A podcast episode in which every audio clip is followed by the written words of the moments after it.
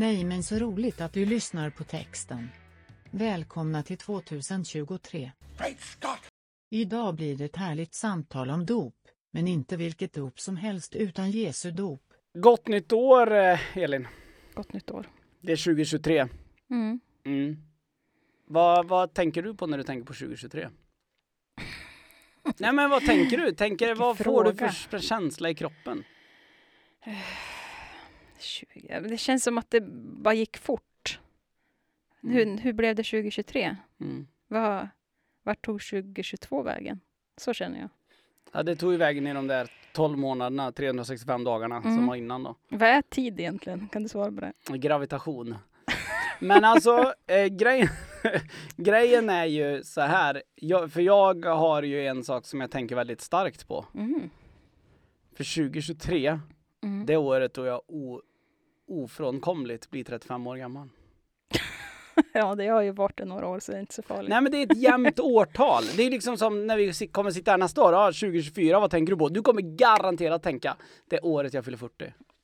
Ja, men jag, nej, jag vill ju inte tänka så. Nej, vill tänka, Nej. men vadå, man står väl inte emot? Men jag kommer tänka det. Ja. Tror? Ja. Det tror jag. ja, jag ska. Tror du att du kommer ha en brutal 40-årskris? Ja, säkert. Kommer säkert vara odräglig. Jag hade tyckt det varit skitroligt om du får en 40-årskris typ i stil med så här, nu ska jag skaffa massa nya intressen och nu så ska jag liksom, typ så här, nu ska jag här ta MC-kort typ. Ja, precis. Börja köra triathlon på allvar. Och Ja, inte, hade bara, inte bara en gren. det hade varit otroligt roligt om du är plötsligt bara så här, ja, nu ska jag börja köra Köra- triathlon.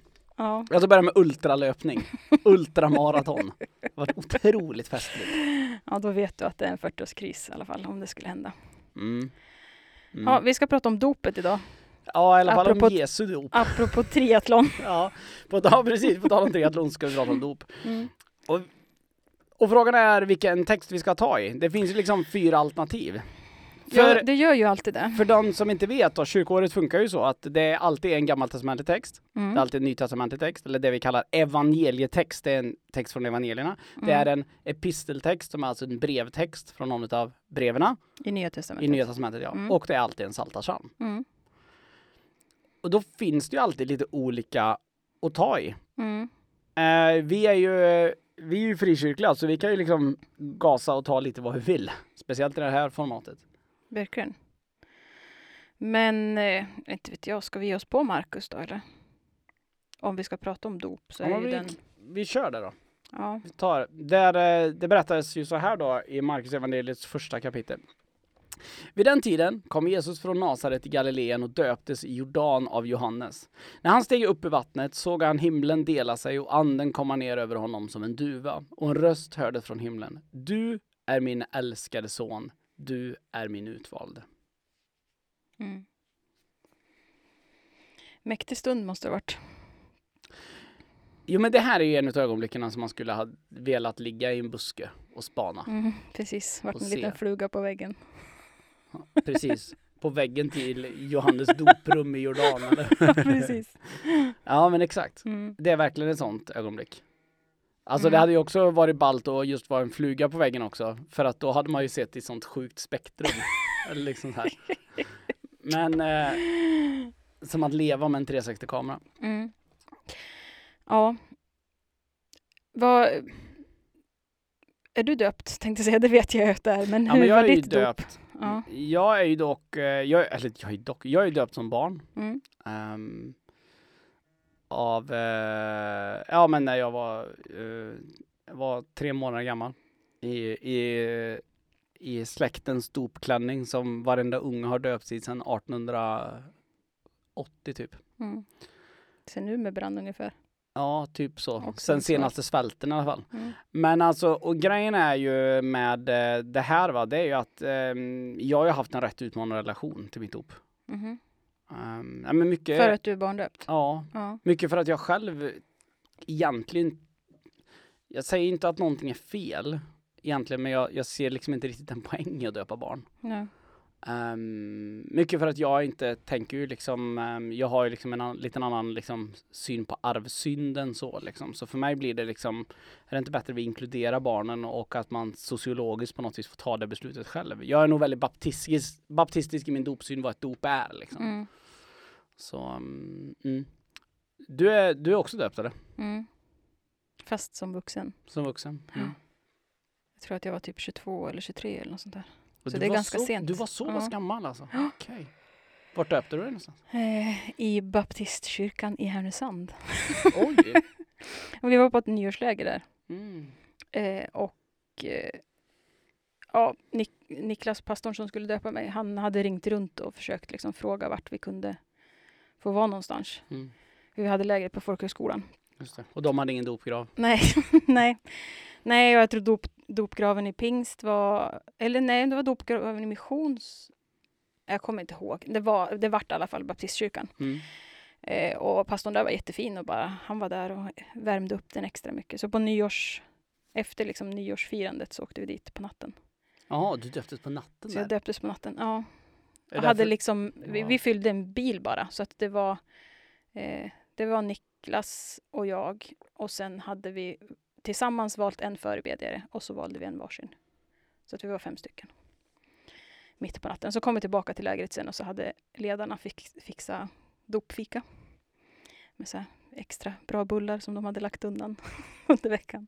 Det var jättefint. Fint. Mm. Alltså, är det därför du har en så otroligt stark eh, koppling till det här? Att du gillar det här med nyår? Att det är någonting, en ny start?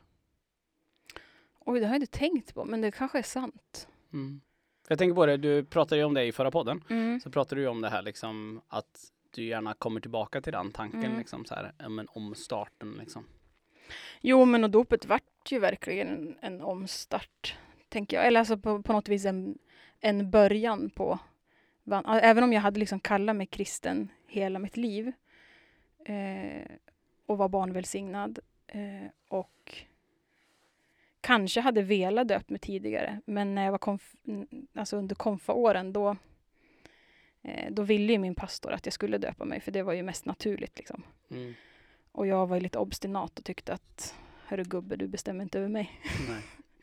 Så tyvärr så fick inte Robert döpa mig. Det hade varit fint om han hade fått göra det, pastorn som jag växte upp med. Men jag var lite för vrång då, precis. Mm. Eh, och sen blev det liksom inte av.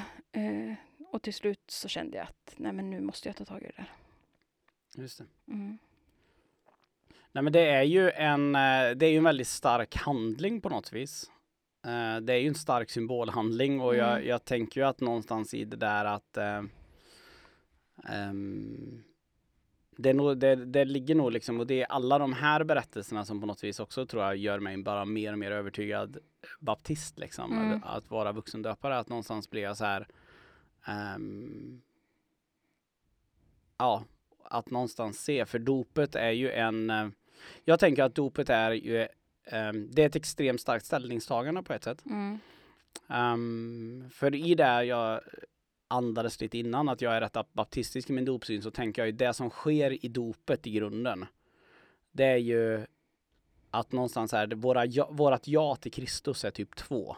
Mm. Jag tänker att det ena är hjärtats överlåtelse. Det är Mm. liksom när vi säger ja, jag vill vara en kristen. Jag säger det till Gud.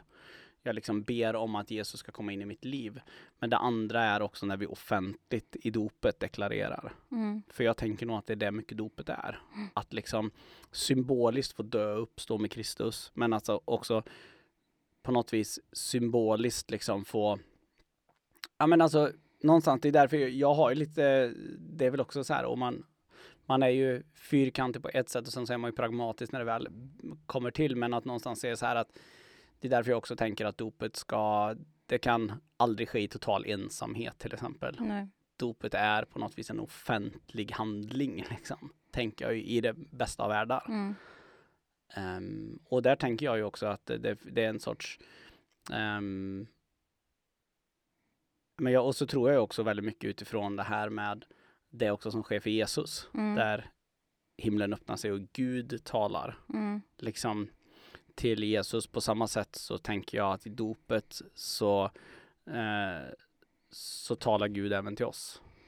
Det är en sorts liksom identitetsmarkering. Liksom. Mm. Jo, men många pratar ju om en vattenstämpel liksom. Eh, och det är ju inget, jag tänker ju inte att det är någonting heligt i vattnet eller liksom att det är någonting med just den grejen. Och inför mitt eget dop så var jag lite så här, äh, vi kan väl göra ett handfat på folkhögskolan liksom, bara skvätta lite på huvudet. Det, alltså, det, är inte, det var inte det som kändes viktigast. Men nu i efterhand så, så fattar jag ju liksom grejen med att faktiskt nedsänkas. Mm. Och att, att bara ta den stunden, liksom. Att, att göra det och inte bara hafsa förbi någonting. Liksom. Mm. Eh, som jag kanske hade tänkt att vi skulle kunna gjort egentligen, just då. Eh, men, nej men även om jag, jag tror inte att vattnet att det behövs vatten egentligen, eller att vattnet är heligt, utan att det är jaet som är viktigast. Ja. Men jag tror ju också att handlingen, eller ritualen, eller det, känslan liksom, av Mm. vatten mot hud gör ju också någonting med oss. Liksom. Men är det inte så här, vi vill in och tassa på det här liksom, jag, eh, jag vet inte hur det är med dig, men jag tänker inte att dopet är frälsande. Nej. Eh, och frälsningen har ingenting med dopet att göra, tänker Nej. jag, i grunden. Eh, frälsningen, liksom våran räddning, liksom renandet där, det sker genom hjärtats överlåtelse. Mm, Liksom munnens bekännelse och hjärtats överlåtelse liksom. absolut. Ehm, men dopet är, eh, ja men någonstans så det Det är finns, vårat sätt att få säga ja på något vis, Ja, eller att men- visa. med Ja exakt, alltså ja. någonstans så skulle, och det, och det offentliga ja. Mm. Alltså jag tänker att någonstans, det är ju också någon gammal baptistteolog som använt uttrycket att någonstans det är det, är det offentliga jaet och vägen, in i församlingen. Mm, Att liksom, för någonstans går det också tillbaka tillräckligt långt så Alltså det, det var, hade varit totalt otänkbart att man döps i en baptistförsamling men inte blir en del av församlingen. mm, Eh, och där, det är också en sån här grej som jag i grunden också tänker. Alltså dopet någonstans liksom. Gör man ett så starkt ställningstagande då, då, då, då säger man ju att nu ska jag tillhöra Kristus. mm, Och då tänker jag att då ingår liksom ehm, den jordiska gemenskapen också liksom. Men i den här texten då, då har ju, då har ju liksom Johannes, han har struttat runt där kring Jordan och döpt folk Mm. Eh, som någon slags omvändelsehandling. Mm. Eh, och så kommer Jesus och säger att, det står ju inte i den här texten, men att, att han på något vis propsar, propsar på att Johannes ska döpa honom. Mm. Men vad döps Jesus till då? Döps han till Kristus? Nej, Nej. absolut inte. För jag skulle säga att det dopet vi praktiserar, det är inte det som, som, ehm, som Johannes praktiserar. Nej. Eh, Johannes, eh, han praktiserar liksom ett reningsdop. Ehm, och det är väl det här som jag tror är viktigt att poängtera. Mm. Ehm, vi, Jesus, alltså vi vet ju inte hur dopet fullt ut gick till där i Jordan. Nej. Vi vet inte hur det jo- johannitiska dopet som det kallas, liksom. vi vet inte helt hundra fullt hur det går, gick till. Men det vi vet det är att liksom någonstans det vi ju tänker i en kristen gren, det är ju liksom att det vi gör, det är ju att vi döper människor till Kristus Mm. på något vis. Eh, det är därför det också blir så eh, närmast banalt när man tänker tanken, jag förstår att det har blivit så i Sverige, men när man tänker att dopet är en namngivningsceremoni. Mm. Liksom, jag döper dig till. Mm. Eh, att någonstans lite så här, ja men att någonstans Lite skämtsamt så pratade jag med pappa om det där för när vi någon gång när han frågade mig liksom vad innebär det där typ egentligen? Och då Mm. sa jag så här, men det blir helt bara absurt liksom när man egentligen utifrån mitt sätt att se det. När man står och döper och så sa jag, ja men som i ditt fall farsan liksom, den dagen prästen stod och vräkte vatten på dig Mm. och sa jag döper dig till Anders Olof Larsson. Mm. Någonstans så här, så här, varför ska du ha vatten på huvudet då? Men han, givetvis så hade ju prästen också sagt, jag döper dig till Kristus. Det ingår ju. Mm. Ja, att det inte är till, utan det är, jag, jag döper dig, Anders, Ja, till Kristus. ja, Ja. precis. Men att någonstans se det här att ibland så, vi, det vi många gånger har sinnebilden av hur det går till, Mm. då är det namnet Mm. som görs där. Eh, och det där att någonstans här, och i min värld blir ju det liksom så här, det blir nästan lite fnissigt. Mm. För var, varför när man ska berätta ett namn för någon, Mm. varför ska man skvätta vatten på den? Mm. Liksom. Men däremot när det är en troshandling så blir det ju någonting helt annat som Mm. blir rimligt liksom. För det är ju en, i allra högsta grad en rit. Mm. Verkligen. Så jag tänker nog vad döptes Kristus till? Nej, men han gjorde ett reningsdop. Mm. Men i det reningsdopet så proklamerade det som var liksom poängen med Jesu dop var proklamationen att det här är min son. Ja, för han behövde ju inte rening heller liksom. Nej. Så det måste ju ha handlat om att, att folket som fanns där i krokarna också skulle få se Mm. eh, vem det var Johannes hade banat väg för. Mm. Vem det var han försökte peka mot liksom. Det finns ju vissa kristna rörelser också som gör en poäng av att dopet är en, är en på något vis en, eh, en markör i Jesu liv. Eh, för fram tills dopet så har ju inte Jesus gjort någonting som är extraordinärt. Nej. Fram tills det här så tänker man att Jesus har fötts. Mm. Det vi vet om honom det är att de har varit på flykt, Mm. att han har varit i synagogan Mm. och sagt att han vill vara nära sin far. Mm. Eh, men i övrigt så är det inte så mycket som tyder på att ja, men det här grabben är nog Gud.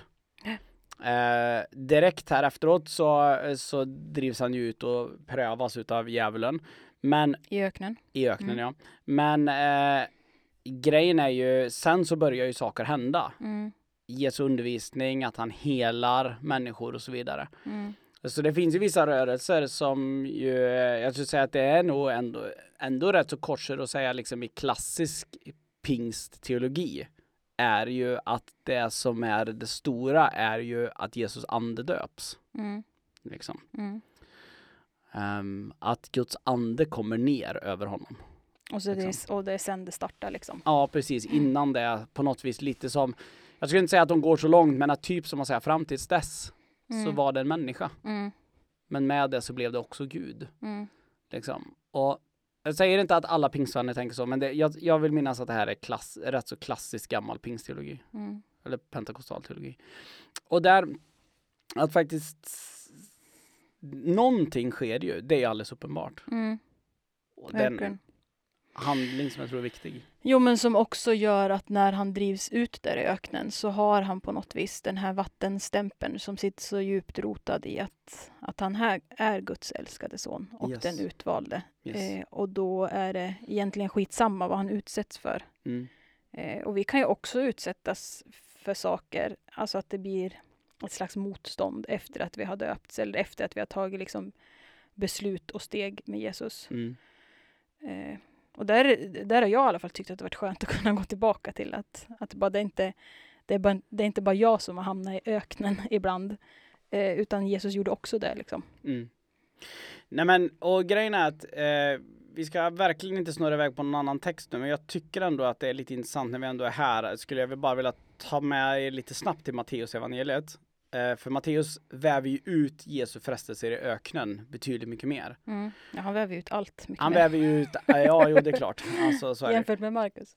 Men att, eh, att där, då är det ju egentligen, det är ju tre tydliga frestelser som, ges, som Gud, djävulen utsätter Mm. Jesus för.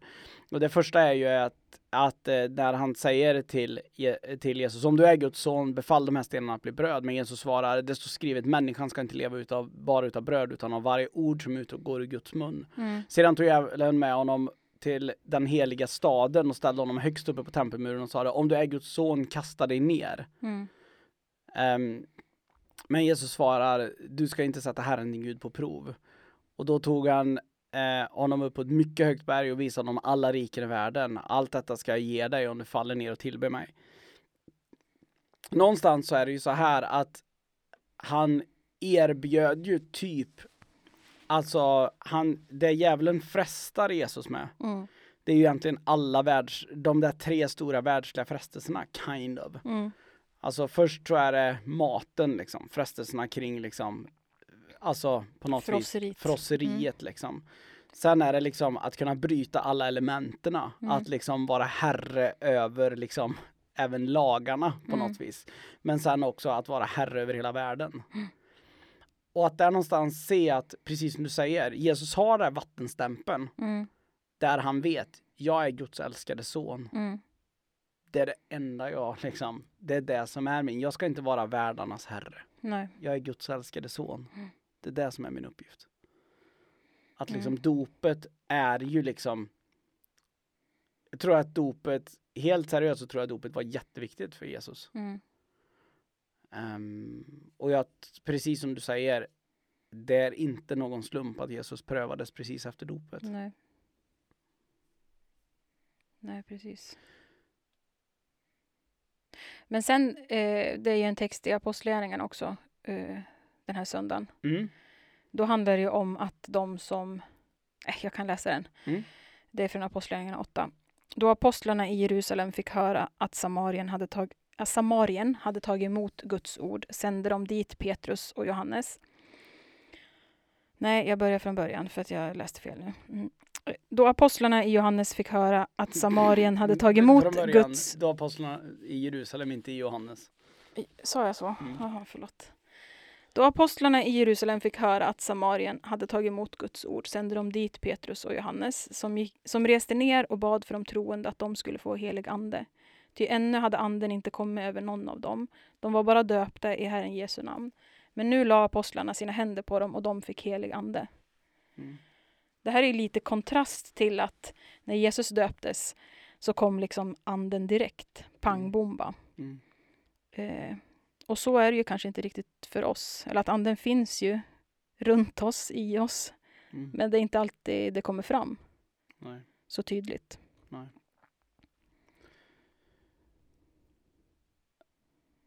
Ja, nej det här är Får vi- ju en, ja, Får vi inte ihop det? nej, ja, jo, jag får ihop det. Nej, Jag jag tycker menar inte det är sen. svårare än att tänka att vi, eh, vi... Varför döper vi? Jo, vi döper för att Jesus har sagt åt oss Mm, att döpa. mm, Det är därför vi döper. Vi döper inte för att Jesus blev döpt.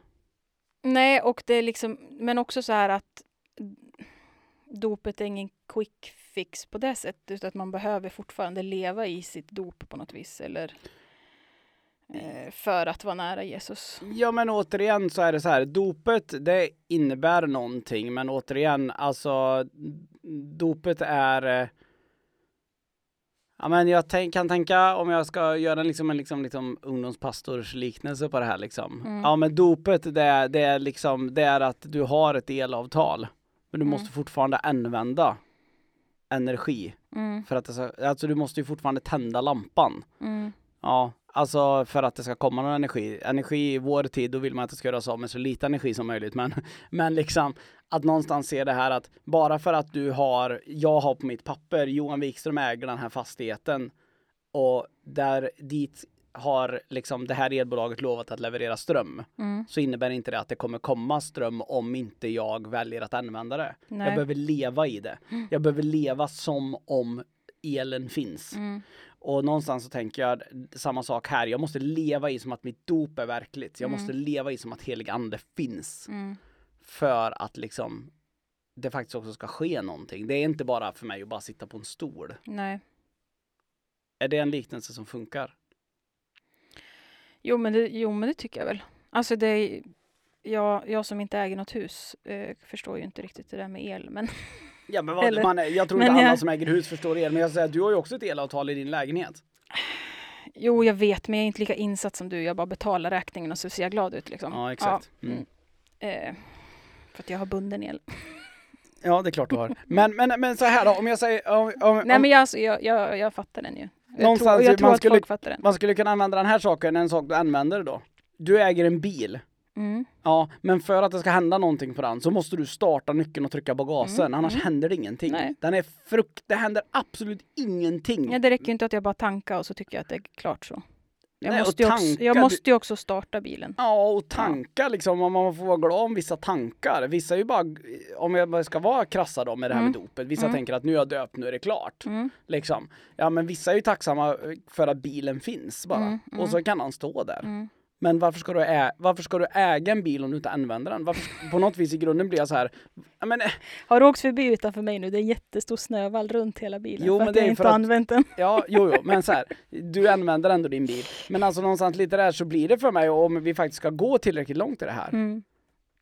Varför, eh, om, om jag ska vara überbaptistisk då en stund. Mm. Varför ska du vara döpt om du, om du inte vill leva i det? Mm. Om det här är någonting som liksom, och om du, någonstans så blir det för mig också då att eh, på samma sätt så tycker jag att det är totalt orimligt att ett barn ska äga en bil. Mm. Jo, men och att, att, att Då är om, jag nu, om jag nu har valt att göra den här handlingen, Mm. eh, då måste det få konsekvenser för mitt liv. Ja. På, på det sättet så är det ju samma sak som Jesus. Det fick konsekvenser för hans liv. Hans liv blev helt annorlunda efter dopet. Mm. Eh, och vi kommer kanske inte få ett lika annorlunda liv, någon av oss. Men just att, att, eh, att vara överlåten och leva i sitt dop, då händer det saker runt omkring oss. ja, precis. Om vi tillåter det hända. Ja. Mm. Och sen är det inte, det viktigaste är, det viktigaste är inte när dopet sker. Det viktigaste är att dopet sker. Kan man säga så? Ja, eller i alla fall eh, överlåtelsen. Men skulle du då säga, om vi bara, om vi ska löpa den linan ut då. Mm. Skulle du säga att, du att dopet är onödigt? Nej men alltså jag, Är det Nej, en liten alltså som- frälsningssoldat jag har sittande mitt emot mig? nej men som rit, ritual, Mm, alltså som människor behöver vi ritualer mm, eh, för att någonting ska bli på allvar. mm. Eh, tror jag. Men jag tror i sig att det inte... Alltså själva handlingen är liksom inte magisk. Det är ingen magi i det. Jesus älskar inte någon mer efter att den har döpts. Nej, men alltså Jesus Man älskar, är ju inte inte, mer räddad. Jesus efter. älskar inte någon mer heller för att man inte följer honom. Nej. Nej. Nej men så det, jag, jag vet inte vad jag tänker där. Det är ju det, är ju det som blir lite dubbelt. Att, och det är kanske det som gör också att, att skulle jag predika om den här texten så skulle jag nog fokusera ganska mycket på Jesus och inte dra det till så mycket liksom våra egna dop utan utan vad hän, vad, ja men startskottet liksom för Jesus. För att det blir så komplext och det blir så, finns så mycket ol- olika teologiska vridningar på det här och att det är svårt att inte trampa någon på tårna. Då egentligen. flyr du gärna. Ja, det gör jag nog. Nej men alltså jag hör vad du säger och Mm. här någonstans så ehm, Jag hade nog gjort liknande grej. Mm. Jag har nog också predikat om, om Jesus här. Ehm, men men eh, Jag hade eh, inte svävat ut lika mycket som vi har gjort idag till exempel. Nej, och samtidigt så tror jag att det kan vara bra att jag kan få göra det någon gång. Men, men däremot så tänker jag nog att det här med, det här med dopet, någonstans så kan jag ibland känna att eh, att Equmeniakyrkan som samfund, vi håller mer och mer på att degraderar ner dopet för mycket. Det kan Mhm. göra mig lite ledsen. Mhm. Ja men alltså att någonstans Men ibland så funderar jag på liksom ehm, Ja men formuleringar som i vänta, medlem i väntan på dop. Mm. Ibland funderar jag på vad är, vad är, alltså någonstans liksom lite det här, om jag ska citera den etiopiska hovmannen som är strax efter det vi läste då i, i Apostlagärningarna. Där han frågar, vad hindrar att jag blir döpt? Mm. Ehm, att någonstans, ibland så funderar jag på, uh, köper vi människors själ alldeles för lätt? Att nej men det är för stökigt att bli döpt, eller det är för jobbigt, eller det är för svårt. Så skulle vi liksom verkligen snarare bara säga så här, nej men alltså dopet, vi måste försöka hitta en lösning på det här. För dopet är vägen in i gemenskapen. Ja, och då tror jag ju tyvärr att det du sa tidigare kan vara ett hinder. I att liksom, det här är någonting som sker i offentligheten. Det här är någonting som, som ska ske i församlingen, för församlingen. Eh, det tror jag verkligen kan vara ett hinder för folk. Det var ju ett hinder för mig. Eh, och då, ja vad är det som hindrar att jag ska bli döpt? Ja, kanske att folk ska titta på mig när jag gör det. Alltså det, det, jag tror att det är jättemycket sådana grejer som kan påverka också. Och då funderar jag på så här. Och då tänker jag så här, då skulle vi behöva hitta vägar för att det ska vara lättare. Mm.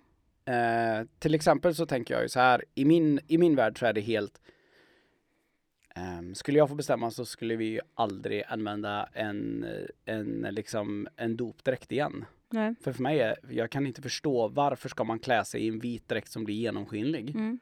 Eh, dessutom varför ska man gå nerklädd helt vit? Jag fattar symboliken vit som snö och så vidare. Men då borde man ju ha på sig den efteråt i så fall. Mm. Eh, men någonstans är det så här eh, att bli döpt inför människor. Jag funderar på det här med hur privat blir saker. Mm. Och där jag då i grunden då har ju en teologi där jag tänker att dopet är någonting där man offentligt säger någonting. Jag säger mitt offentliga ja till Kristus.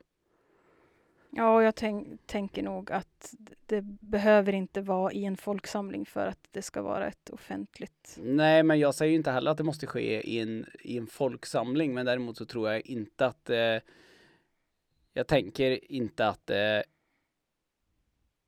Alltså så här, det finns alltid undantag från allting. Mm. Såklart det finns. Och det är väl jag- kanske det vi har som kyrka varit dålig på att visa. Jo, men då snarare, då har vi vridit det till snarare att man behöver inte vara döpt. Nej. Och då blir det för mig, vad är det som hindrar? Mm. Och det tror jag vi snarare skulle behöva hjälpa människor. Mm. Eh, men, och jag fattar varför vi också har kommit till den här punkten. Mm. För det är ju också ett sätt att liksom hantera att vi har så olika dopsyn också. Mm. Att det blir så stökigt. Mm. Dopet alltså, det här är intressant. Det blev idag inte så supermycket samtal om själva texten. Det Nej. blev mer ett samtal, ett teologiskt samtal, men jag tror ett samtal som är intressant och ändå viktigt. Det får bli så ibland. Det får bli så ibland. Mm. Eh, det här var nu har det varit 13 dagar, nu är, nu är lunken igång snart på allvar här. Mm. Eller som det så fint heter numera, att snart är vi inne i grinden igen. Grinden. Ja, det heter det, heter det, det talar man rätt mycket om i USA. Alltså grinden det är liksom de här, ja men nu är man inne i den här vardagslunken när man bara ska in och slita liksom. Ah, det är. Nu är sötebrödsdagarna över. Men Ja. än lever vi i jultiden, för den är ju till 20 Knut och det tackar vi Herren för. ja, varje dag. Ja, du, eh, ha en fin vecka Elin. Detsamma.